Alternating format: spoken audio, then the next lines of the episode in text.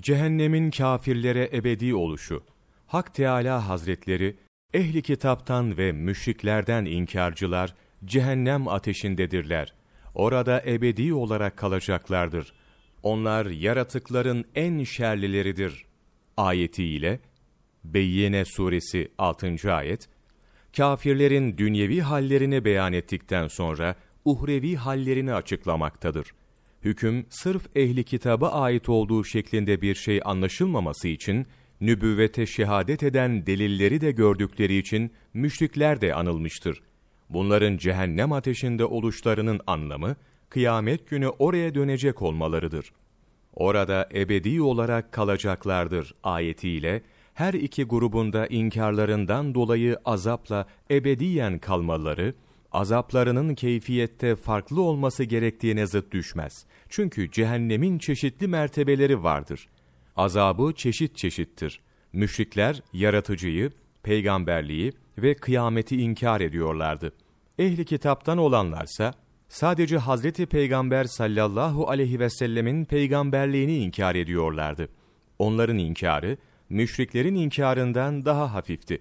Ama en büyük suç olan inkarda hepsi iştirakçıydiler. Bundan dolayı cezaların en büyüğünü hak ettiler. O da azapta ebedi olarak kalmaktır. Yükseklik arzusuyla inkar ettikleri için aşağıların aşağısına düştüler.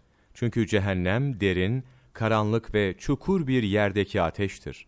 Eğer bir çukurun derinliği fazlaysa ona cehennem kuyusu denilir. Onlar ifadesiyle anılan kafirler, yaratıkların en şerlileridirler. Bundan maksat, amel, makam ve dönüş yeri bakımından en kötü oluşlarındandır. Onlar hırsızlardan daha şerlidirler. Çünkü onlar Allah Celle Celaluhu'nun kitabından Hazreti Peygamber sallallahu aleyhi ve sellemin niteliklerini çaldılar. Nasıl yol kesicilerden kötü olmasınlar? Hak dini halkın elinden aldılar. Ahmak cahillerden daha kötüdürler. Çünkü bile bile inkar küfre inadidir. Kişinin Allah Celle Celaluhu'nu kalben bilmesi, diliyle de ikrar etmesine rağmen haset, azgınlık gibi sebeplerle İslam'ı din edinmemesidir. Bu, cahillerin inkarından daha çirkindir. İsmail Hakkı Bursevi, Ruhül Beyan Tefsiri, 10. Cilt, sayfa 133-134, 26 Eylül Mevlana takvimi